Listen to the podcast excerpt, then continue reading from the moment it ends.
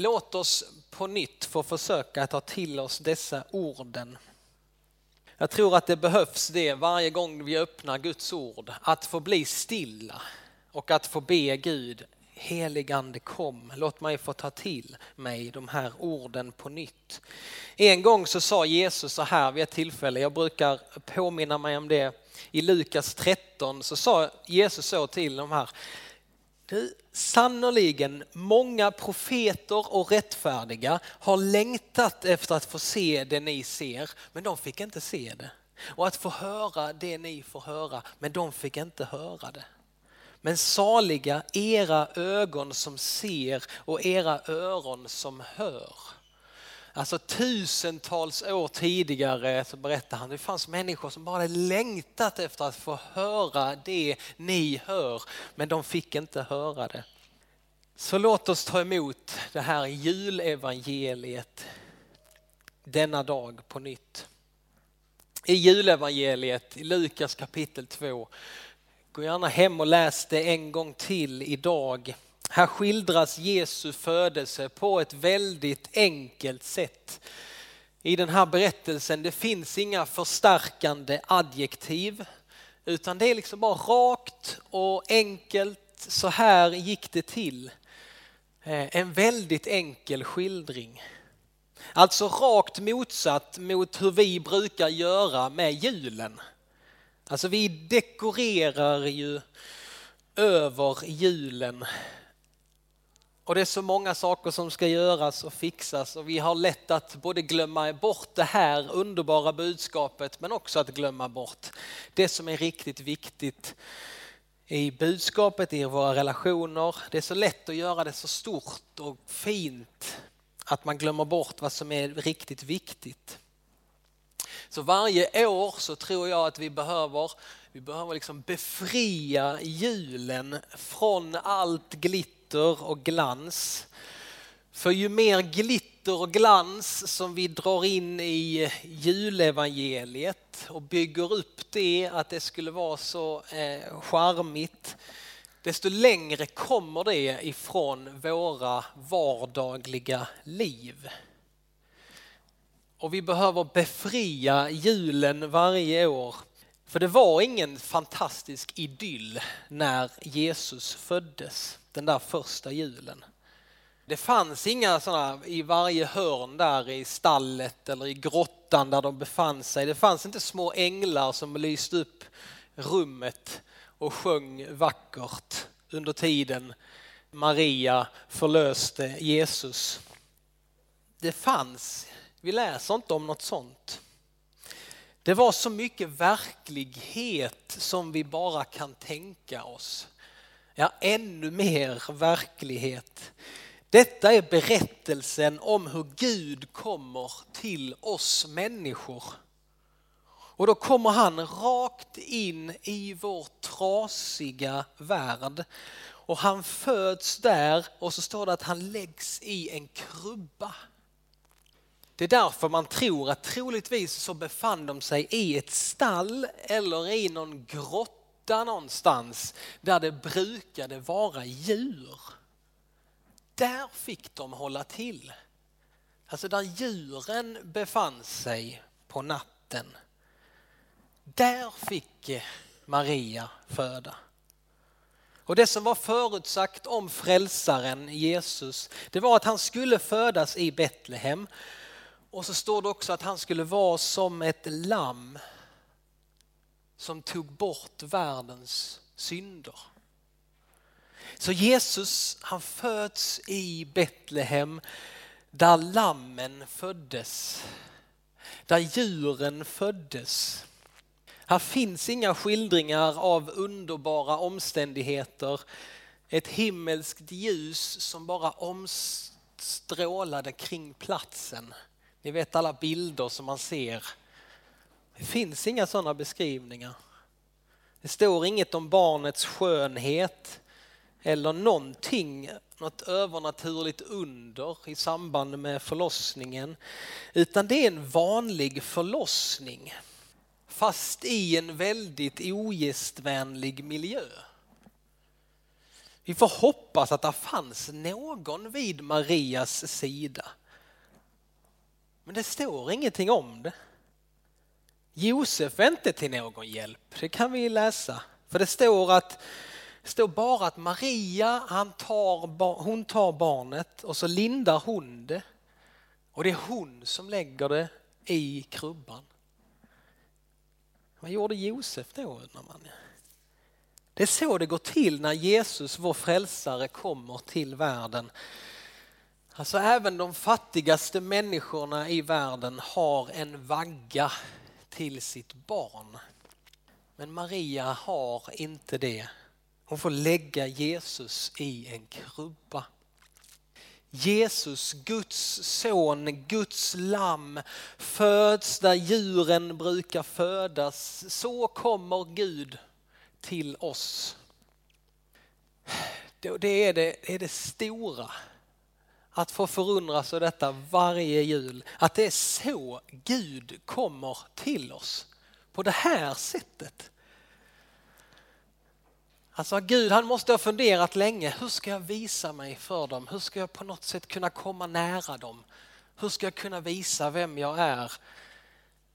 Jo, jag får födas som ett litet hjälplöst barn. Alltså hade Gud kommit till oss i kraft och i sin härlighet, då hade vi aldrig vågat komma honom nära. Det hade varit för skrämmande, det hade varit en för stor distans mellan honom och mig, mitt vanliga liv. Men nu kommer Gud till oss som ett fattigt, hjälplöst barn. Och han går in rakt ner i nöden. Han kommer in i ditt och mitt stökiga, vår stökiga vardag.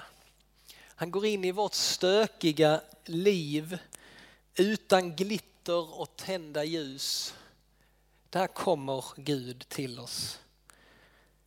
Så när vi läser denna berättelsen precis som den är, när vi tar emot den i all sin enkelhet, då kan vi börja förstå att detta handlar ju faktiskt om, om mig och dig. Det handlar om oss. När vi ser hur Jesus valde att komma till oss ja, då kan vi också våga komma till honom med våra stökiga och trasiga liv. Alltså Gud, han kom till oss. Det är helt otroligt. Han blev som en av oss. Och tänk på vilket sätt som han kom. Alltså detta är den stora berättelsen detta är den största berättelsen som finns. I vår tid just nu så är vi bara så eh, nästan besatta av berättelser. Vi vill att det ska komma nya serier hela tiden och de ska vara bättre än den förra serien som vi såg. Vi vill ha berättelser och vi kanske också tänker, wow, tänk om man någon gång hade fått vara med i en sån där storslagen berättelse. Men du är med i den största berättelsen av alla. Det är berättelsen om hur Gud, han blev människa. Han kom hit till oss. Och den berättelsen som fortsätter idag. Du och jag, vi får höra det här evangeliet, det glada budskapet idag och sen får vi fortsätta vår dag och gå vidare och sprida det här budskapet. Den här berättelsen är inte slut utan vi får dras in i den här berättelsen om hur ljuset besegrar mörkret. Och hur du och jag, vi har också fått den uppgiften att få bära Guds ljus vidare. Herdarna, de får höra av änglarna, var inte rädda. Varför behöver inte de vara rädda? Jo, för att de säger en frälsare har fötts åt er. Därför behöver inte ni vara rädda. Ni behöver aldrig vara rädda mer, för frälsaren är född. Och vi som lever idag, vi som lever både efter julen och vi lever efter påsken, eh, så säger Gud till oss, var inte rädda. För ni vet att frälsaren har fötts. Så säger Gud att, var inte rädda. Vet ni vad? Frälsaren har dött för er. Var inte rädda, vet ni vad? För frälsaren har uppstått och han lever idag. Var inte rädda för frälsaren. Han är född, han har dött och han har uppstått för dig. Amen. Vi ska få lyssna till ännu en sång.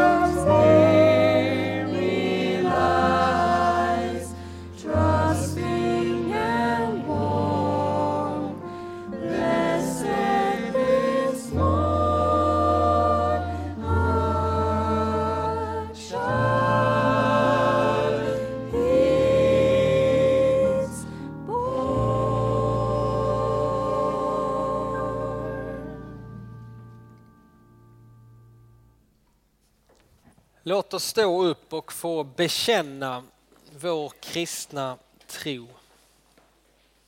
Vi tror på Gud Fader allsmäktig, himmelens och jordens skapare. Vi tror och på Jesus Kristus, hans enfödde son, vår Herre, vilken är avlad av den helige Ande, född av jungfrun Maria, pinad under Pontius Pilatus, korsfäst, död och begraven nederstigen till dödsriket, på tredje dagen uppstånden igen ifrån de döda, uppstigen till himmelen, sittande på allsmäktig Gud faders högra sida, därifrån igenkommande till att döma levande och döda. Vi tror och på den helige ande, en helig allmännelig kyrka, det heliga samfund, syndernas förlåtelse, det dödas uppståndelse och ett evigt liv. Amen.